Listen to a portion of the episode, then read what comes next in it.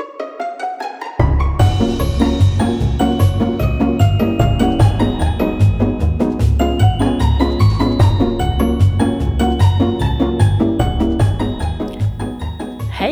jeg heter Oddrun, Og jeg heter Thea. og vi jobber på Karmøy folkebibliotek. Velkommen til Bokfriminuttet.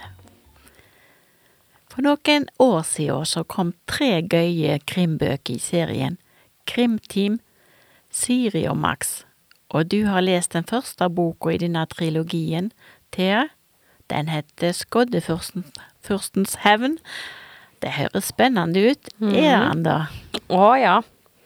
Mer kan jeg ikke si uten å avsløre alt, dessverre. Nei da, jeg kan si litt. Eh, Vi møter Siri og Max, som bor i den lille kystbyen Heimvik. De er tolv år og er et utmerket krimteam.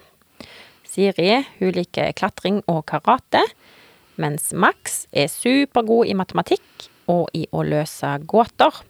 Dessuten liker han krimbøker og sjakk. Ja, det høres jo ut som et bra krimteam. Men to tolvåringer skal vel ikke springe rundt og løse krimgåter, vel? Ja, saken er jo den at lensmannen i Heimvik, han er ei skikkelig engstelig, pysete type. Og så er han faktisk bestefaren til Siri. Og han er ikke litt flau engang for å innrømme at han vil ha hjelp av Siri og Max, og de hjelper jo med glede. Ja vel, ja. Men kan du ikke fortelle om det er ei spennende og skummel bok? Jo, det var jo det. Noen har brutt seg inn i veterinærens dyrebutikk og stjålet masse medisiner som er til syke dyr, og vaksiner og sånt. Og de tror kanskje at det er skoddefyrsten som har gjort det. Skoddefyrsten? Ja, det er en type som er lett å kjenne igjen i byen, med en lang frakk og ei store hette trukket godt ned over ansiktet.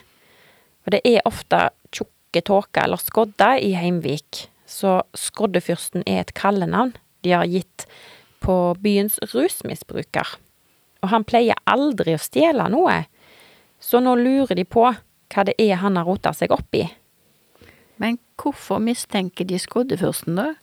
Jo, for denne mørke, skoddefylte kvelden så så et vitne at det var han, han og ingen annen, som løp vekk fra dyrebutikken på klokkeslettet rett etter innbruddet. Men nå sa du jo at det er lenge siden noen har sett ansiktet til denne skoddefyrsten. Han gjemmer ansiktet sitt inn i hetta, da? Ja, det er nesten ingen som husker hvordan han egentlig ser ut. Hm. Når man ikke kjenner ansiktet til, skoddefyrsten, så er det jo veldig enkelt for andre å late som man er skoddefyrsten og legge skylda på han. Er det det som skjer, tror du? Eh, Siri og Max må kanskje snakke litt grann mer med dette her vitnet som jeg nevnte.